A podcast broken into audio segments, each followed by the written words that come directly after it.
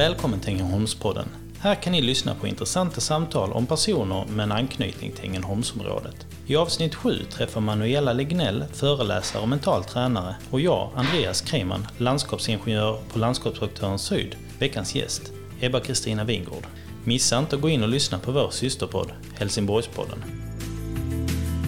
Välkommen till Ängelholmspodden. Jag heter Manuela Lignell och med mig idag har jag Andreas Kreiman från Landskapsprojektörerna. Välkommen hit. Tack så mycket. Dagens gäst är en sprudlande, nyfiken och inspirerande mångsysslare och konstnär sedan 30 år. Hennes konstverk finns över hela världen och hon har många projekt på gång. Ett projekt heter The Secret of Living is Giving, där hon får möjlighet att skapa glädje tillsammans med andra. Hon har två barn, fyra barnbarn och beskrivs som en engagerad, känslig och lekfull person som sprider glädje omkring sig i sin ateljé i Ängelholm, Åsikten. Välkommen hit Ebba-Kristina Wingård. Tack så mycket, det var väldigt fina ord. Det behövs nu i coronatider att få höra få lite sån kärlek. Tack så mycket. Hej Ebba-Kristina. Hej. Först en liten grej med ditt namn, Ebba-Kristina. Det är inte ett dubbelnamn. Nej, alltså egentligen de som känner mig från massa högstadiet och så. Träffar jag någon där så säger de Titti. Så att egentligen har jag hetat Titti och hette, hette mina föräldrar så Titti, min syster sa Titti. Men eh, Ebba-Kristina fick jag, när jag åkte till USA så funkar inte Titti så bra. Och Ebba-Kristina heter min mor, eller hette, och min dotter också. Hon heter Ananda Ebba-Kristina. Så det har väl blivit ett släktnamn. Så eh, jag ändrade om när jag åkte till USA och då sa de Chrissy. och det blev ju liksom lite olika namn. Så när jag kom tillbaka till Sverige och flyttade till Helsingborg då fick jag några kompisar och de började kalla mig för Ebba. Och då hette min mor också Ebba, så att då eh, blev det Ebba-Kristina. Och det är mitt namn, men eh, det är inget som mina föräldrar har kallat mig för. Så. Och jag tycker det är fint när jag skriver, skriver under mina tavlor och så. Och idag, tycker, om de säger Titti går jättebra, säger de Ebba går jättebera, men säger de Kristina, då tror jag att nu har jag gjort något dumt. det är något med Kristina, Kristina. Så det är väl det enda jag inte tycker om att man kallar mig för. Jag brukar säga Ebba-Kristina. Ja. och du och jag har ju fått möjlighet att träffas lite då och då under åren ja. som har gått. Eh, första minnet jag har av dig egentligen när du eh, gjorde en fantastiskt vacker klänning till mig eh, när jag var roskandidat. Detta var 99.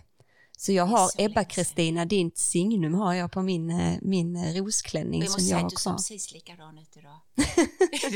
den här lilla smala vackra kvinnan, flicka på den tiden.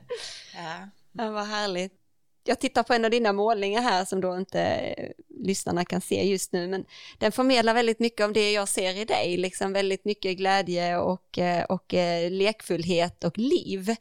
Och jag blev ju väldigt nyfiken direkt och hoppa in liksom, var, var kommer det här ifrån Ebba-Kristina? Var, var, liksom, var föddes intresset att bli konstnär?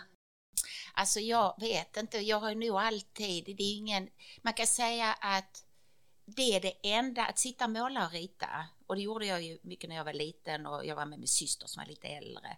Och för att få vara med, jag satt alltid och tecknade lite och så. Jag ville vara med, men jag ville ändå vara på min kant. Och då satt jag och ritade och jag mycket sagor och sådär. Det var alltid liksom ett litet kollegieblock. Så. så att rita är det någonting också som ingen har tvingat mig att göra. Om jag nämnde att åh, oh, jag skulle vilja spela gitarr jag menar morfar blev ju jätteglada och ungefär köpte en gitarr och sen slutade jag med det. Men just det, det här teckna och sånt, det är ingen som har varit inne och grejat med det. Så att det har nog varit mer mitt sätt att eh, hitta en plats på något sätt i mitt inre. Så. Sen har jag ju fantasi. Så, ju. Kanske, ja, vild fantasi kan jag få ibland lite så som kan röra till det för mig. Men eh, det är ju också min styrka när jag målar och så. Och jag sitter inte och väntar på den. Det har jag ju lärt mig utan när man målar så det är bara göra det till sist så får man det liksom om man inte har det från början så kommer det liksom.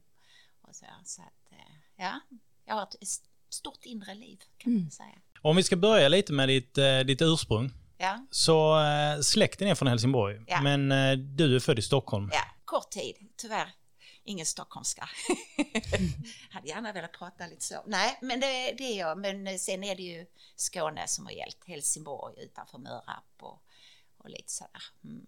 Lite landet kan man väl säga. Hästtjej tills vi flyttade till Belgien med mina föräldrar. Då sålde vi hästar och allting. Så då kom, blev det killar istället.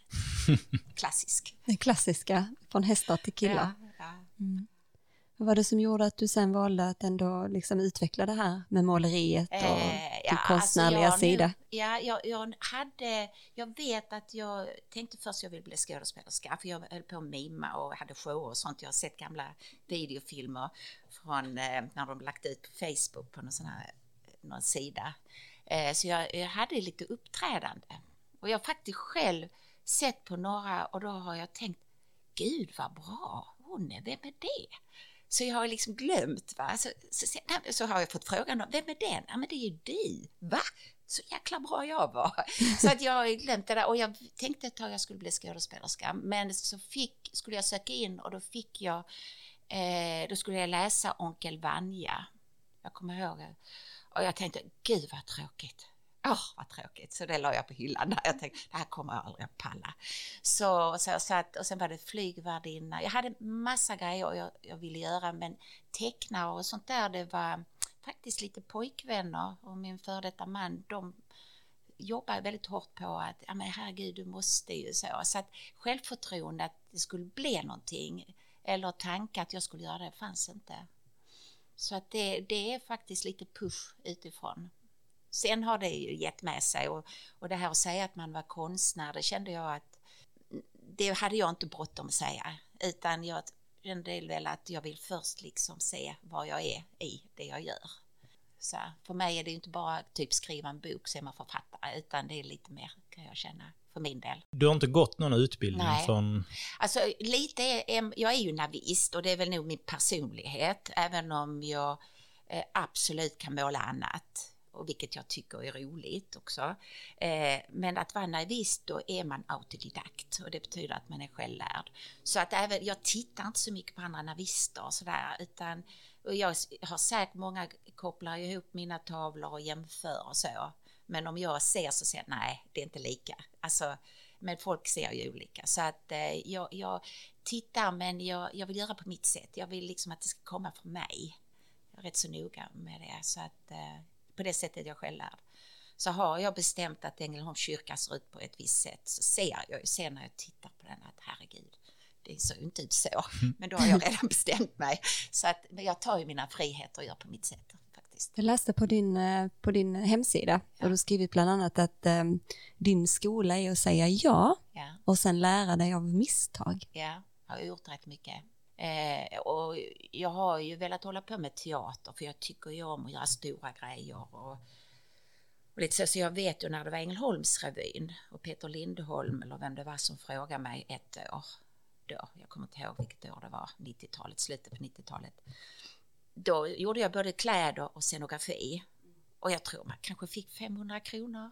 Men för mig handlar det inte om pengarna. Jag tänker, ja, men nu får jag möjlighet, nu måste jag, då får jag ju lära mig, jag måste ju bjuda på detta och göra mitt bästa. Och då vet jag att alltså, herregud, det var ju stora väggmålningar och jag vet inte hur mycket, men, men jobbade jag dag och natt och gjorde det. Så att jag gjorde nog Ängelholmsrevyn, jag vet inte om det var tre eller fyra år. Jag tror det var tre år. Sen så blev det andra grejer som gjorde att jag hoppade av där. Sen så har det ju varit Kapten Kolossal som också jag har gjort med barnteater. Där har jag också byggt upp. Jag är rätt duktig på papper och klistra ihop. Ibland håller det inte så bra.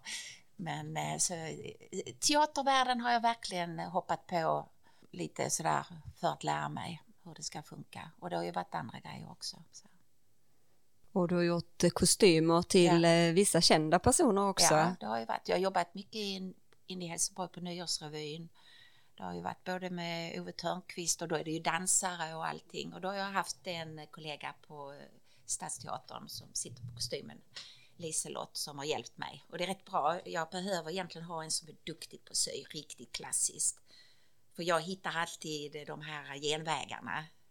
Och då brukar det bli en bra kombo liksom. För det, ofta ska det gå snabbt och liksom så här. Mm. Ja, men eh, Får jag bara någon som kommer med någon idé, jag kan sitta tom i huvudet och så börjar någon prata om något, det är precis som liksom, det bara öppnar sig. Sen inte att alla mina idéer är bra, men jag känner att det blir en källa liksom som kommer ner. Och så har jag rätt bra, eh, jag kan ju se innan, jag kan ju se en tavla innan den är målad, hur jag ska göra. Sen är det ju detaljer som kommer in, men jag, jag kan få en rätt så bra bild liksom hur saker ska se ut. Vad tror du det här, det här kommer ifrån? Jag att du liksom kan, kan skapa det här eller se det här? Har du funderat på det någon gång? Liksom, vad är det som har gjort att du har kunnat skapa de här? Jag tror, alltså min, min mormor var väldigt, eh, nu hade hon en annan, kom hon från en annan generation, men jag har alltid först och främst fått blivit bejakade i min kreativitet. Och mormor var ju väldigt tidigt när vi var små. Vad ska vi måla mamma? Och så sa mamma någonting och så fick vi rita och hon satte upp allt och så. Och så hon, eh, hon var väldigt fantasifull. Så jag tror hon liksom också byggde lite där, hjälpte oss. Min syster också givetvis, som också är duktig på att rita och måla. Men, och sen har jag ju velat alltid göra saker på mitt sätt. Och, eh, jag, om någon människa i skolan och så, om jag har haft någon lärare i teknik, jag måste känna att jag har respekt för den som lär ut. Jag har lite så, annars gör jag det på mitt sätt. Så, där, så att jag har väl kört mitt eget race. Ja, du sa tidigare att du inte såg dig själv i början som eh, konstnär. När kom du över den gränsen? Att du... kommer jag inte ihåg. men det gjorde jag nog. Ungefär konstnär. Jo, men jag kommer ihåg, men det är ändå länge sedan. Men när jag skulle säga det så sa man det lite snabbt och så blev man lite generad. typ så. Jag tror faktiskt det. Ja. Ja, jo, alltså jag har hållit på med så många grejer. Så att jag glömmer bara. Så att det är kul när folk påminner en vad man har gjort. Jag är bara där jag är just nu, typ. Du har ett projekt som, som jag blev väldigt nyfiken på när jag var inne och, och läste vad du har gjort. Eh, så förutom att du har väldigt många av dina verk runt om i olika länder så har du också ett projekt som heter då The Secret of Living is Giving. Mm. Och eh, vad jag har förstått också har någon form av ursprung i någon dröm som du har haft också. Mm. Skulle du vilja dela med dig till ja. oss om vad det, alltså, vad det handlar om? Egentligen kanske lite eh, dum konstigt att säga, men jag, först och främst när jag, alltså jag har gjort så när jag känner att ah, jag behöver något nytt. Då har jag försatt mig i nya situationer bara för att få en ny eh, infallsvinkel. Och, och jag är väldigt intresserad av barn eller jag tycker om barn. Nu jobbar jag inte på dagis vill jag säga, så att det är inte på det sättet, utan jag tycker om att möta barn. Eh, och då hade jag en tanke, undrar hur det är att måla med barn som lever helt andra förutsättningar än vad jag är. Och så tänkte jag ju någonstans långt bort. Och så eh, tror jag på att om man har en känsla och en önskan och en idé så måste man ju uttrycka den ut till någon. Och då blev det en, faktiskt en, en vän genom Rotary som åker mycket till Sydafrika. Så sa han, men du, kan vi fixa så du kommer ner till Sydafrika? Och då i detta fallet var det Johannesburg och han jobbade lite där och så. Så eh, jag visste inte så mycket och jag trodde ju inte heller, jag tänkte, jag visste faktiskt inte om, har de affärer i Sydafrika? Alltså, eh, jättekonstigt för det har de verkligen. Men eh, jag packade en hel väska full med färger och eh, dukar, stora dukar och så. Och det var ett eget initiativ. Och åkte ner med, då åkte, tog han med sin fru också, så vi åkte ner till Johannesburg och bodde på hotell. Och jag kände, du vet att som konstnär, man har inte alla världens pengar och så va, så att jag kunde ju inte bo hela tiden på hotell. Men genom en Rotary där som vi besökte träffade jag en underbar man som idag, han fyller 91 nu, han heter Sir Arthur Jarham. Eh, han är engelsman men har hamnat i Sydafrika och med en ny familj, en lite yngre fru och eh, tonår, eller killarna är väl i 30-årsåldern idag, hans söner. Så de fick jag bo hos och att komma ut på olika, olika ställen, skolor ute i bussen är ju inga problem för att du vet, de behöver ju verkligen allt som man kan komma med. Så att eh, det började med att jag åkte ner där och, och de sa 20 barn och där kommer 100 barn. Och de, de är så söta allihopa i sina små vita kostymer, eller du vet vita skjortor och så. Och upp med den här stora duken och Alltså det är bara typ att tuta och köra, det går inte att planera för man vet ju inte och man blev rätt svettig. Och sen var det, vad ska jag ha kläder? Och du vet, jag, hade, jag visste inte vad jag skulle skydda mig så jag hade svarta sopsäckar. Och vad jag fick torka de här kostymerna för de kladdade överallt. Men eh, sen så var jag hos den här familjen och det har ju blivit min familj i Afrika, eller Sydafrika. Så vi har ju fin kontakt. Och jag är så glad att Arthur, han är pigg fortfarande. Han har varit och hälsat på här också. Eh, och sen så tog jag hem det och sen visste jag inte vad jag skulle göra med det och så klippte upp dem och så tittade jag på allt det här kladdet, vilket det blev. Och de stora barnen skriver gärna love och hjärta och de små kladdar. Eh, sen så tänkte jag att jag målar in, fotar och jag målar in deras ansikte för att på, man kan ändå känna lite när man ser ett uttryck i en tavla vilket ansikte som ska passa in och så. Så gjorde jag det. Så en av de tavlorna kom ju på Liljevalchs vårsalong och var den första som såldes där. Var full rulle direkt. Det var jätteroligt. Och sen har du, jag har ju varit där, jag vet inte om det är tio gånger eller sånt där och även varit nere på Project Playground och på Kanelbullen som ligger i Cape Town. Har jag varit två omgångar. Så nu sist hade jag en utställning uppe på Epicenter i Stockholm och då fick jag in ungefär 125 000. Och då gick, bestämde jag att Eh, en del ska gå till Project Playground, en del ska gå till Kanelbullen och sen så var min sambo med så gjorde vi en brunn i Kenya med vatten. Så, så, att det är det sista. Så att, men nu åker jag ju inte iväg någonstans, det är ju dumt. Och det får ju vara lite när jag har kraft och klirr i kassan. Så det, men det, man får energi. Och det gör ju att när jag kommer hem och gör mitt andra så bär jag med mig någonting. Så att jag tror ju det är bra att bryta lite mönster och liksom, man blir glad. Man ska göra saker som man blir glad av. Jag skulle vilja tänka på alla, alla erfarenheter du får med dig av de här projekten och resorna. Vad, vad skulle du säga att det har gett dig som person? Först tror jag aldrig man ska underskatta, alltså det som man först var så starkt när man såg hur de bodde och, och så här. Va? Det är klart man går igång på det och blir väldigt rörd. Men man får ju titta bakom det, för där är ju, där är ju alltså, så man inte fastnar i en bild och hur, och hur det borde vara. Utan eh, där är ju många barn som, jag menar, de är ju glada i det de har. Så man får släppa, man får släppa det här att gå och tycka synd om. Och eh, sen tror jag också att man lär sig att de här barnen törstar efter mycket utan man har ett förhållningssätt som man inte skapar en falsk förhoppning. För det kan också, du vet, att man börjar träffa barn och så går man och gossar med ett barn hela tiden. Och så rätt som det så ska man hem till sitt. Alltså man får respektera lite vad man ger för signaler ut. Jag hade förmånen att vara och hälsa på en SOS-byn i Dominikanska republiken ja. 2005.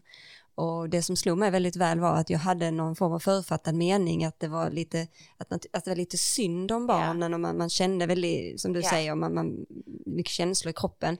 Men jag blev så överröst av all den här glädjen som de hade i, i den enkelheten liksom. Det var någonting som så här jag verkligen tog med mig därifrån som en erfarenhet som jag inte hade förväntat Nej. mig på något sätt. Nej, och, och, du vet det här att man tänker, vi har varit där några gånger och så på skolan så står alla och sjunger. Och så var vi ett litet gäng där så stod vi och kände oss lite obekväma liksom som att här står vi och du vet så. Men det är ju inte för att de tänker ju wow, här kommer de från andra sidan jordklotet ungefär. Och så vill de komma och hälsa på oss. Då, vi, vi är så glada för det så vi vill sjunga för er. Mm. Så vi går ju också och har en liten skuld i så mycket som inte är sant. Utan det är hellre att ta emot det som vi får. För man får ju väldigt mycket tillbaka. Att komma tillbaka till Ängelholm, efter att du har varit ute och rest lite, dels i världen och i Skåne, så kommer, flyttar du tillbaka till Ängelholm. Mm. Hur kommer det sig att du valde just Ängelholm då? Ja, det blev bara så. Det var lite spooky, för att då hade jag ju varit tidig tonåring när vi flyttade. Och så de här, du vet, vin, man gick ju på ställen som man inte man fick komma in på. Och så kommer man tillbaka med liksom en barnvagn och så, så var det liksom, såg man de här killarna som, sen liksom ska man hälsa. Alltså det var lite speciellt i början för att det, då hade man ju blivit vuxen. Jag var lite över 30 när jag kom tillbaka. Så det, det var lite speciell känsla. Men vi hamnade bara här från Domsten och så, ja, så tänkte vi, nej men Ängelholm, var ganska orädda att flytta hit och Jonas då som jag var gift med höll på med musik och hade sin studio och det har vi alltid haft liksom. Jag har hållit på med mitt och han har haft sin studio och sådär. Så att vi hittade ett ställe och vi tyckte det var jättebra. och barnen fortsatte i skolan här och sådär. Så att, ja, det fanns inte så stor, mer än att vi bodde i Stockholm och jag kände då att eh, gå i Vasaparken, vi bodde vid Sankt Eriksplan, gå i Vasaparken med barnvagn. Och då kände jag, nej, då, var, då kom den här bonnaflickan i mig, att jag ville kunna gå ut i träskor och liksom så här. Det var väl lite där då vi valde Skåne. Har det alltid varit spännande att driva eget, att vara någon form av entrep entreprenör, ja. någonting som har varit i familjen eller? Ja, lite kanske, men jag, jag gjorde så här, du vet, jag blev stressad när någon sa jag ska starta företag. Eh, så ska de gå på en företagskurs och lära sig allting. Det valde jag ju att inte göra, för jag tänker om jag får reda på allt som man inte får, då kommer, vill jag inte veta, utan jag hellre tar informationen efterhand, liksom om allting. För att jag vill att det ska kännas kul och lätt, så att jag har ju nog alltid, det är sällan jag, om inte jag är på ett väldigt dåligt humör, som jag säger, åh oh, vad det är jobbigt och vara egen. Jag, jag, har valt att eh, det bara finns inte hos mig utan jag försöker hitta utvägar för att lösa liksom månadskostnader och sådär och hitta sätt. Så att jag, klart att jag är företagare men det är ungefär som jag tänker, jag kan inte säga när jag blir pensionär. Alltså de, de orden har jag egentligen aldrig använt. Jag vet att jag måste göra min bokföring och när jag gör den så tycker jag att jag är jättevuxen och duktig någon gång jag gör den. Så att jag, jag tänker nog inte jag tänker nog ett företag. Jag har ett företag, men eh, en enskild firma, men jag, jag, jag är liksom, ja. Jag, där har jag nog inte satt någon sådär tanke på, på det faktiskt. Jag bara är det jag är. Och så är det regler man måste följa och så gör jag det så gott jag kan. Hur är det att vara företagare när man är eh, kulturarbetare också? Ja. För det är ju lite så, det är rätt mycket boxar man måste vara i. Men ja. på samma gång så är man ju ganska fritt. Ja, alltså man är ju alltid uppkopplad på sig själv mm. och det man ska göra. Det kan jag nu säga att det är man ju faktiskt. Man, eh, det är ju inte att åh, nu är det fredag, nu stänger vi boxen. Utan klart man, men det gör ju nog alla som man håller på kreativt. Det vandrar ju liksom privatliv och jobbet är ju liksom egentligen samma sak. Men eh, det är klart att nu kan jag nu tänka, för jag har ju normalt väldigt mycket bokningar i ateljén som jag tycker är jätteroligt för då kommer ju människor till mig och, av olika anledningar. Jag har jobbat även med ledarutbildning och eh, med privatpersoner som målar och har olika aktiviteter. Eh, så där kan jag känna att då har jag ju, då är jag ju offentlig med andra människor. Och det har ju blivit mindre av. Nu börjar det komma igång lite sådär med små grupper. Och eh, det är klart att då tänker man vad ska jag göra, vad ska jag göra för att liksom kompensera den biten och så. Fast jag har inte gjort det, det har gått rätt så bra ändå. Jag har målat rätt mycket och sålt rätt så bra ändå. Det är en, så att jag har inte känt liksom, jag tycker inte jag har känt så stor skillnad. Nu börjar det bli lite traggigt. För nu är det konstrundan och den börjar ju nu eh, mars-april månadsskiftet. Och det är första gången jag känner lite sådär äh, tungt liksom. Jag, eh, jag, saknar de här energierna man får av människor och sådär. Liksom. Utifrån ett coronaperspektiv ja, då? Exakt. Eller? Mm. Att eh, mm. nu kan jag tycka, och ändå tycker jag att i början tyckte bara ja, yeah, skönt. Ingen stress liksom sådär men så kom jag ju på att herregud, jag måste ju tjäna pengar. Så först var jag faktiskt lite, när jag fick lite avbokningar, yes, då tänkte jag, hallå där. fick eh, min egen chef säga till mig själv att eh, det var inte så bra. Men eh, mm, så det är klart, men jag har valt att inte oroa mig utan jag, jag har tillit till att det ska har du ändrat någonting? Alltså när du inte har kunnat göra det som du kanske har gjort innan? Har du sett liksom öppningar på andra ställen då? Eller? Alltså egentligen vad jag har tillåtit mig göra mer eh, det är att lära mig andra grejer. Mm. Som många andra har blivit paddeltokig. Har lärt mig kråla. Jag blev jätteglad när jag körde krål tusen meter var jag tvungen att berätta för alla i simhallen. Tusen meter! Eh, och lite sådär, så det har jag gjort och sen så tycker jag det är kul att, alltså jag faktiskt har lärt mig lite åka skidor och, och då annars jobbar jag alltid liksom och, och jag behöver väldigt mycket vara själv. Mm. Och sen om jag har öppnat upp liksom den här lite till den vanliga världen om man nu ska kalla det så, Vilket jag tyckte var rätt skönt att jag har tillåtit mig. Och jag mår väldigt bra i det också. Så egentligen har jag gjort lite andra grejer kan man väl säga. Hur är det med din eh, kreativitet? Kan den ibland minska lite? Och hur gör man för att få tillbaka den egentligen? Man får bara jobba. Det är bara att fortsätta? Alltså, och det, jag kan säga nästan när jag gör massa rätt så stora tavlor, framförallt då med min navistiska konst. Och det är ju därför också jag valde, för jag gillar ju abstrakt och alltid tyckt om och jag har stor respekt för den konsten.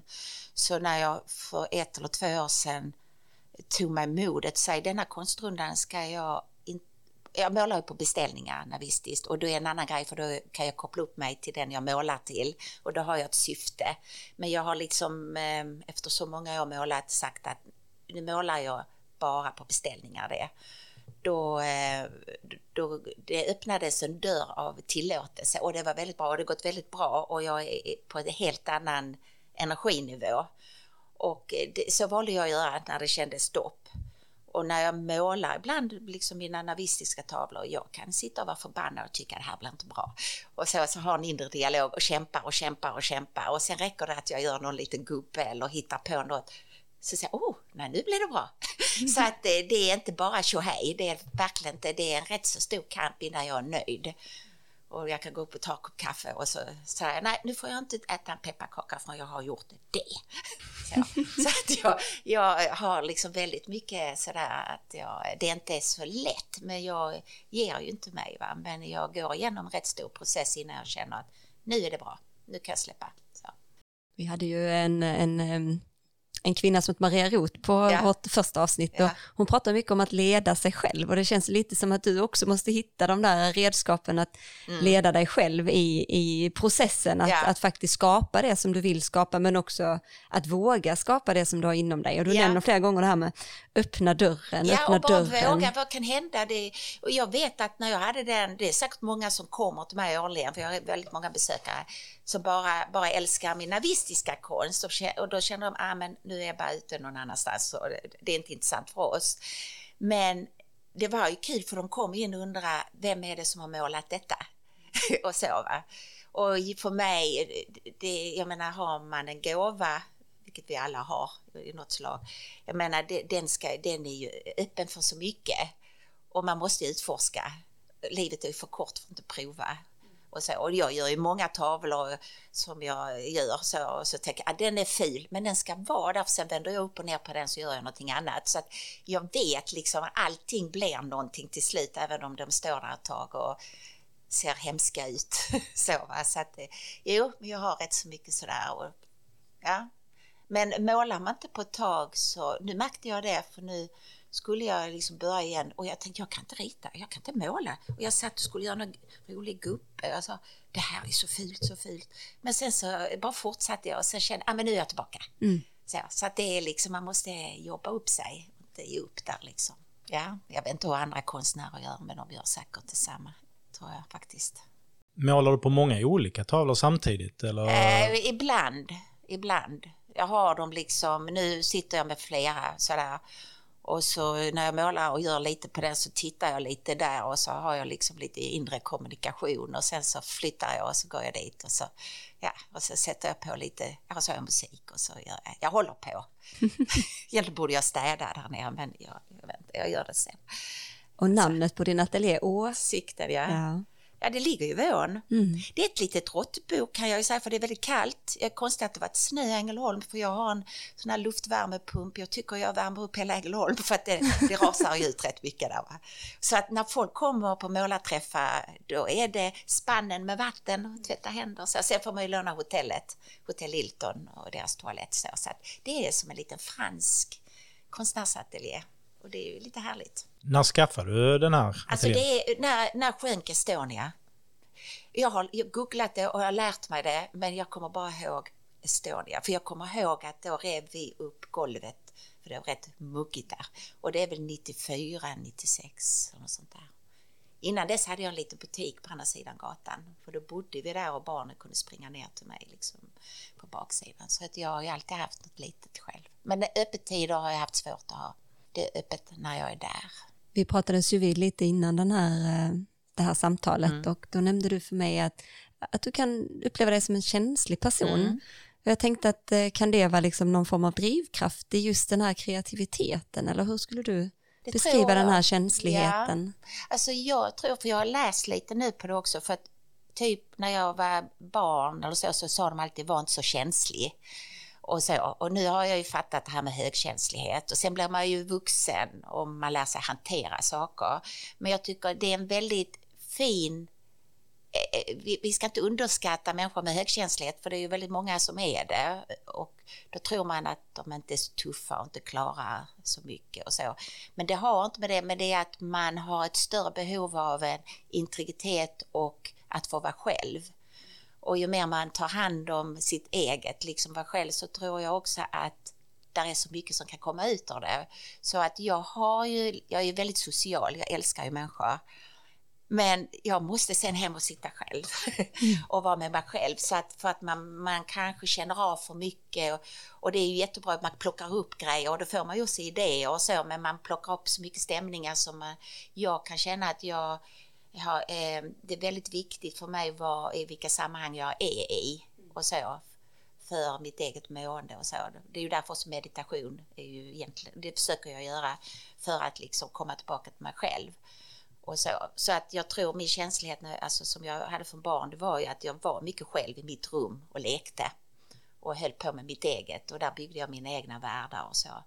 Så att eh, den tror jag också har varit min gåva i, att kunna typ göra beställningar för jag känner av rätt snabbt och kan plocka upp liksom och så. Och tränar man på det och lyssnar på det så kan det ju bli en styrka också. Så att jag har förstått idag att jag är det. Innan tänkte jag alltid att oh, jag är jobbig för jag är så känslig. Men eh, jag tror att det är för att man känner av större. Och jag vet ju, det har vi ju lärt oss att för grottmänniskan eller för då var ju de som kände av faror. Människor med högkänslighet, de hade en jätteviktig roll i, i bland, ja, bland dessa människor. För att överleva och Ja, känna Ja. när det är dags att fightas eller Ja, fly. Mm. exakt. Mm. Så att det, detta är ju något som finns i oss sen grottmänniskan. Jag tänker på det här med barn och sprudlande. Du Ja. har ju faktiskt varit eh, kreatör åt ett väldigt eh, lekfullt ställe här i Ängelholm. Ja, Mm. Pytteskogen. Pytteskogen, Ja, ja. Det fick jag äran och det är resurscenter. Fantastiskt fint ställe som, gör, som ligger nere vid, eh, där vid Friskis och Svettis där nere. Och de har ju människor som är där, antingen de mellan jobb eller på andra situationer som gör att de ska vara där. Och de, eh, det är Patrik Fessé som är chef där och där är väldigt fina människor som jobbar där. Så att Patrik frågade mig om jag ville vara med och skapa en liten skog. Pytteskog kom vi inte fram utan den hittade vi på då och det låg i hembygdsparken. Så jag vet det var Sudden Bengtsson, han var med där och så gick vi där i skogen och sa jag, ah, men här det var rätt mäktigt. Jag tänker det, här gör vi stigen. Och så traskade vi och rev upp lite och så gick jag så här. Och sen så är det ju då dessa, alla dessa människor som jobbar där Eh, då tillfälligt som fick uppdraget och någon skulle vara duktig på att mura och någon var duktig på det. Så det är ju resurscenter som har skapat det och sen har jag ju varit med som inspiratör. Och idag är jag ju inte inblandad, men jag tycker det är så kul för ibland är det någon som är väldigt duktig på att måla och så och då får de ju visa, göra saker och hitta på och så får man möjlighet att visa det och dela med sig av det. Så jag, jag tycker det har lyckats väldigt bra. Det är jätteroligt. Sen har det varit stormar där och vi hade ju sådär, det var någon dunge med träd över den här vackra eh, eh, önskebrunnen och jag vet Sanna gjorde jättefina grodor som man skulle pussa så men tyvärr blev de ju krossade och det har ju varit förstörelse och sen rasar träden och så så att det, det är ju ett ställe som förändras så och de får ju nej de är jätte, jag är jättestolt över det. Ja, det är fantastiskt. Ja. Och Andreas, har du varit där med, med dina barn? Ja, det har Ja. blivit en jättestor besöksplats alltså. Alltså hela hembygdsparken tycker jag är ett mycket härligt område och Ja. ett stor privilegium för Ja, det är att ha en sån typ av... Ja, vi har ju också, jag jobbar ju med Petson och Findus så det återkommer ju varje, så att i sommar kommer ju Petson och Findus igen också. Nej, det är drömplatsen, att den, ska, den är man väldigt stolt över. Jag har ju sett gamla filmer när min mor var där som barn. Så jag menar, detta har ju funnits där så många, och jag har varit där som barn. Har jag också sett hur jag kryper runt där. Så det är generationer som har kunnat besöka denna platsen. Jag, pratar man om Ängelholm så brukar jag alltid säga hembygdsparken. Ja, du, du berättade innan också att det är flera stycken ateljéer. Ja, oh, jag samlar på mig. där jag sitter, där är en ateljé kan jag säga. För jag, jag alltid, när jag är på, nere i ateljén på Lilton och det blir mörkt, då blir jag lite mörkrädd. Eller jag tycker det är sådär liksom. Eh, så att eh, då vill jag sitta hemma där lite varmt och mysigt och eh, man kan liksom ha lite TV på eller lite så här. Så att jag har, där jag bor, så har jag en ateljé på nedervåningen och där är så spärrat så att ingen dammsugare får gå in på den avdelningen. Det är mitt så att man ser ungefär var jag är. Och sen så har jag skaffat en i Stockholm också på Sveavägen har jag en liten som heter Ateljé Svea. Eh, nu har jag ju mitt, mina barnbarn i Stockholm också och eh, det är väl lite det plus att nu kom ju corona men jag har haft den är, det är en, en etta på 38 kvadratmeter som är jättehärlig. Och så har jag gjort den helt som en ateljé så jag har ju haft lite företag som har målat där också. Och så har jag ibland låst in mig där för att risken är mindre att jag säger hej till någon när jag går ut. Men jag har en släkting långt bak Bernt Johan Evald Fock. Det är den äldsta gravstenen och det är Karl Fredriks, jag tror det är Gustav Adolf kyrka eller Karl Fredrik, jag kommer inte ihåg vilken kyrka. Jag har en kyrka precis. Och han är, så jag har en släkting begravd där så jag brukar gå förbi där och känna Bernt. Så hej till honom på vägen till jobbet liksom. Mm. Så, så att eh, jag känner mig rätt hemma i Stockholm också gör jag faktiskt. Jag har rätt mycket vänner och kontakter så att eh, förhoppningsvis så kan jag bygga upp lite mer där uppe när corona bara släpper igen. Så får man lite ny energi. Det är ju tuffare där uppe här vet jag ju, jag har ju verkligen Ängelholmaren, alltså jag är ju så tacksam för all kärlek jag får av ängelholmare och, och så. Och det är härligt att säga hej till alla och det, det, det är svårt att bygga upp igen, det ska man värna om och alla fina, du vet med jobb och de som hjälper en att rama in och man köper färg och så. Liksom. Det är en trygghet att veta att man har liksom sin lilla så. Är det något verk som du har, eh, som du har gjort som du liksom känner extra starkt för eller som du känner, alltså det där var ju... Alltså, eh, jag har ju målat rätt stora väggmålningar. Eh, Scania har ju både i Kristianstad och i Östra Ljungby och så, så har Börsson Bil en stor. De är ju lite roliga tycker jag. Den i Kristianstad blev jättecool, stor, jättestor. Och den, den gången jag målade den så var jag smart och säga, jag målar den i, i, jag fick låna ett stort rum för att måla den istället för att hänga upp jag har ju hängt sånt uppe och målat. Jag har blivit lite höjdrädd så jag är så glad att jag kunde göra det. Eh, de är ju lite coola faktiskt. Alltså jag, jag är stolt över, ibland kan jag se något jag skulle vilja ändra om lite. Jag tyckte jag hade, jag tyckte inte jag såg nyanserna så bra förr. Jag tycker jag har blivit klarare i mitt seende. Så ibland känner jag, oh, jag skulle vilja ändra om ibland på en tavla, men så får man ju inte göra. för det är inte mina mer. Men nej, men jag är nog rätt stolt för allting tror jag. Jag målade ju på gamla färgmästare år 2000. Och då, eh, det är den som blev uppe, det är där, jag vet det, mm, Burger King är. Där var en färgbutik. Mm. Och jag vet jag stod där och det var, bilarna stannade. Det var ju lite kul att stå. Och det var bara att tuta och köra för då hade jag aldrig målat någon sån stor vägg för. Och då kom jag ihåg att hela byggnaden flyttades och jag retade mig att jag inte fotade då för att de tog ner stenarna en för en. Och när jag körde förbi en gång så var det liksom bara med min signatur. Och så var det som ett monument som hade liksom rasat. Och det gjorde mig absolut ingenting för allting är ju liksom, du vet allting det är ingenting är för evigt, men jag skulle vilja tagit en bild på det liksom. Så det var ju en väldigt stor mål, målning som jag hade gjort där. Som jag, nej, jag är glad för allt jag har gjort. Vad tänker du när coronan släpper? Vad liksom, har du några tankar och idéer på vad du vill? Ja, jag... Eh, mm, nej, men jag får väl liksom steppa upp och testa Stockholm lite igen tror jag. Så nu kör jag ju lite sådär, jag har ju jätteglad för att där är ju UF-företag i skolorna som varje år kontaktar mig. Och så blir jag ju deras mentor lite. Och då pusslet kommer ju ett år och det blir ju jätteframgångsrikt. Så jag har ju kört lite smått med nya pussel och nu eventuellt kommer det ett nytt pussel. Och nu säljer jag, jag är ingen pusselförsäljare eh, så utan det är lite lokalt jag säljer det och det har ju gått faktiskt bra. Och brickorna som ett UF-företag i år har gjort, ett med mina ansikten Inner Peace och ett Ängelholmsbild. De har ju gått bra, så tänkte jag att det kanske jag fortsätter och gör lite, allt behöver ju inte vara original. Och det är rätt skönt att ha grejer som man kan sälja så, så att jag funderar lite på att bli lite bättre på det kanske. Att göra fler saker som kan säljas utan att jag alltid ska vara original. Pussel är väldigt roligt. Vi har ju nästan alltid pussel på vårt kontor. Det är ju en väldigt bra idé tycker jag. Ja. Ehm, Jag visste faktiskt inte om att du gjorde pussel Ja. innan, men det är... Alla är sålda nu. Mm. Där är två kvar på Lilton tror jag. Så att nu kommer det ett nytt snart. Det får vi nog införskaffa. Men Ja. är det en speciell tanke med pussel eller var mer ett UF-företag? De gjorde det och sen jag har jag full respekt. Jag funkar lite så att jag, jag har respekt för människor som kommer på idéer. Och eh, jag, eh, liksom, då frågar jag dem, eh, är det okej att jag fortsätter med pusslet, även om det var min bild?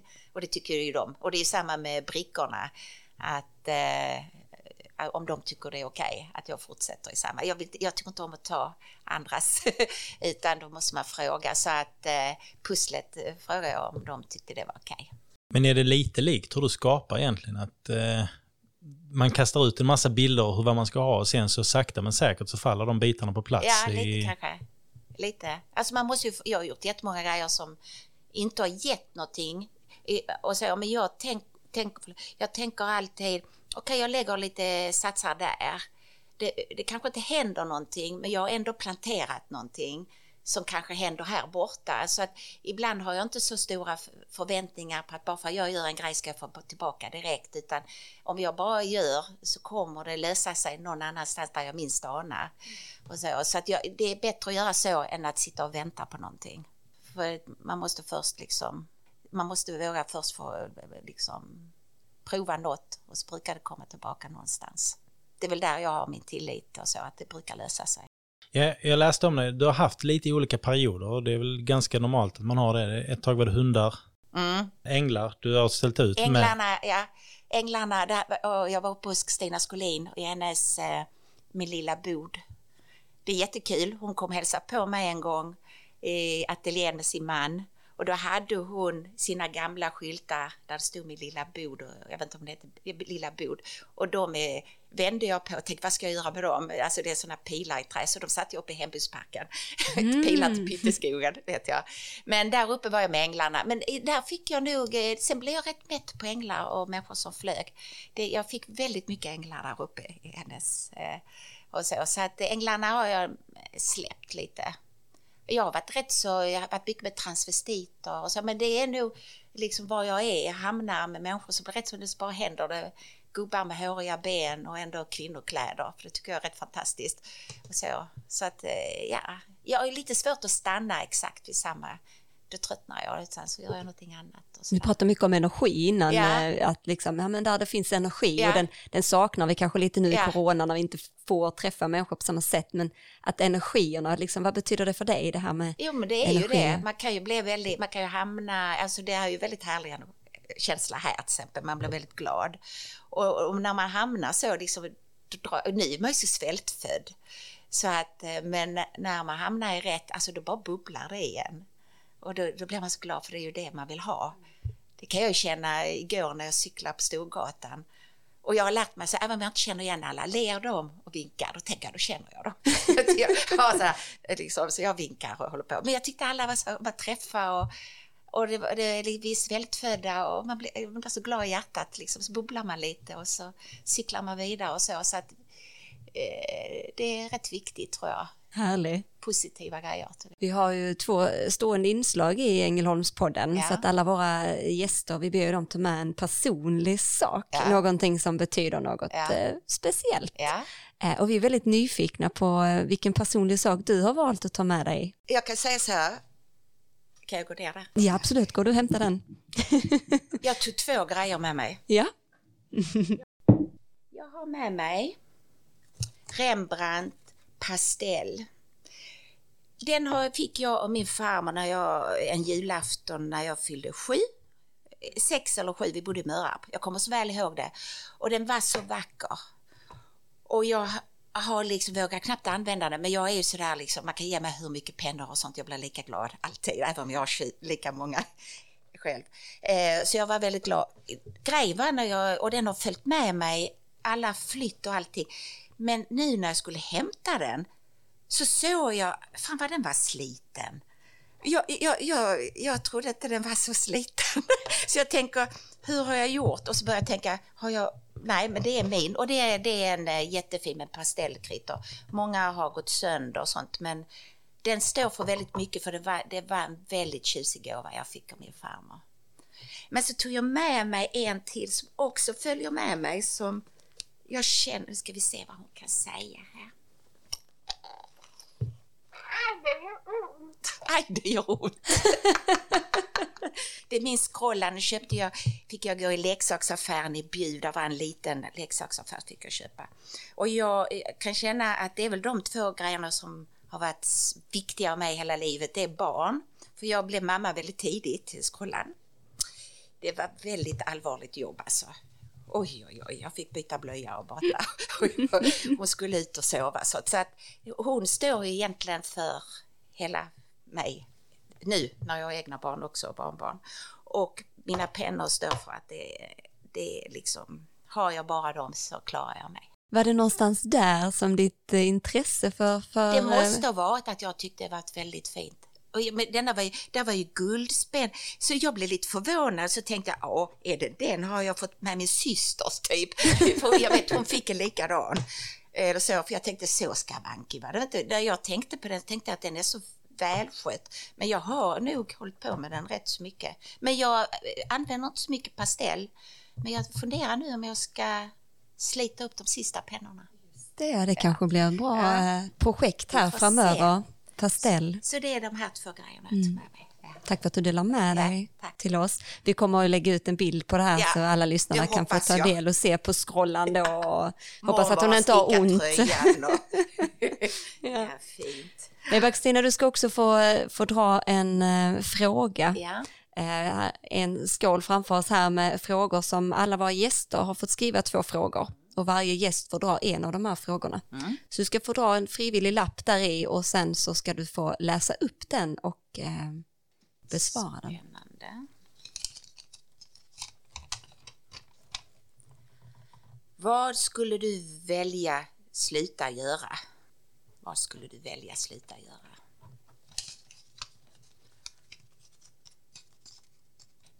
Ändå lite...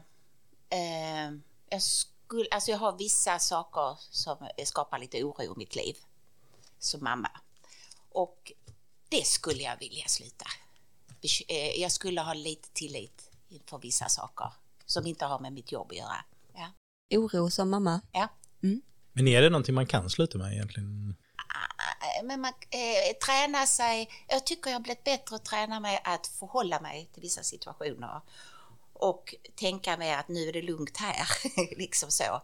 Att eh, lite, kanske lite mer, eh, men det har nog med min känslighet helt klart att man dras iväg. Mm. Men, eh, mm, lite, jag, jag, jag är ju aldrig konstant likadan. Det är ju ingen i och för sig, men eh, jag kan, jag kanske lite, om vi nu eh, lär mig att stanna och inte dra, dras iväg för mycket i känslor. Att kunna lite coolare. Lite bromsa? Lite bromsa mig själv. Så Jag tränar på det, jag är medveten om det så att eh, jag är ju fortfarande, jag tycker jag har gått, klar, klarar det rätt så bra faktiskt. Jag tänkte att du sa att du blev mamma till Skrollan väldigt, ja, väldigt tidigt, ja. men du blev också ung mamma. Ja. Liksom. Vad har det, hur har det liksom alltså man, påverkat man dig? Man tänker inte på faror på samma sätt. Det gör man ju faktiskt. Alltså man är, ser, jag har ju vänner som har varit äldre och fått barn. Och då är det, där finns ju någon annan mognad i det kanske. Men nu har vi, jag har ju levt rätt så lite bohemiskt kanske. Man, sa, man hade hus, villa och bil. Men det var, och båt, och det var en liten rolig båt och bilen startar bara på söndagar typ. Och det, är så här, va?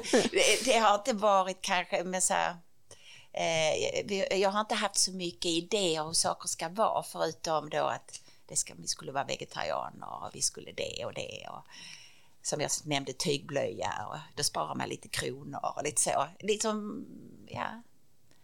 Kanske att om man hade fått barn idag då kanske man inte hade, ja, kanske lite klokare. Det finns nog fördelar och nackdelar av att vara ung. Tror jag. jag är ung mormor. Exakt. Jag är jätteung mormor. Orkar slå kullerbyttor och palla, och det är ju en fördel. Vad härligt Eva-Kristina. Vi, vi är jättetacksamma att eh, vi har fått låna dig här idag och eh, få ha med dig i Ängelholmspodden. Och eh, Andreas, stort tack till dig också som har varit med och ställt frågor och varit med i det här samtalet. Tack Manuela och tack Eva-Kristina. Ja, tusen tack själv. Vad kul att få sitta här. Jätteroligt. Tack så mycket. Tack. Tack. Mm, tack. Tack för att du lyssnade på oss och följ oss gärna på sociala medier såsom Instagram, Facebook eller LinkedIn. Där heter vi Ängelholmspodden med E. Där kommer vi lägga upp bilder från avsnitten och nyheter om kommande gäster. Har ni tips på gäster eller andra frågor, skicka dem gärna till info Vi skulle vilja skicka ett stort tack till Fredrik Larsson som lånar ut sin låt Världen är din till oss. Låten finns att lyssna på på Spotify. Och till Pierre Boman som har gjort vår logga. Eftermiddagen är så lång. Kaféet är nästan tomt Och jag är lugnet själv. Där jag sitter vid ett bord. En hätsk debatt, ett utländskt par Jag sitter mitt emot. Jag hör tidningsbladen vänds Sakta bakom min bil. Det skulle alltid vara vi Tills vi blev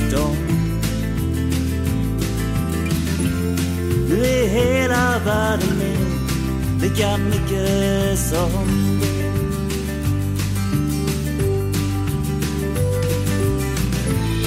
Och en livstid passerar ett andetag långt.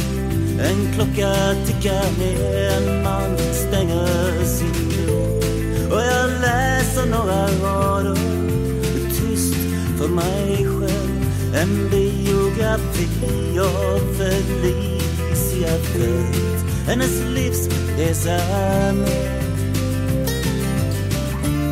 Att i skuggan av sin mor Där i den mörkaste botten låg den vackraste törn Nu är hela världen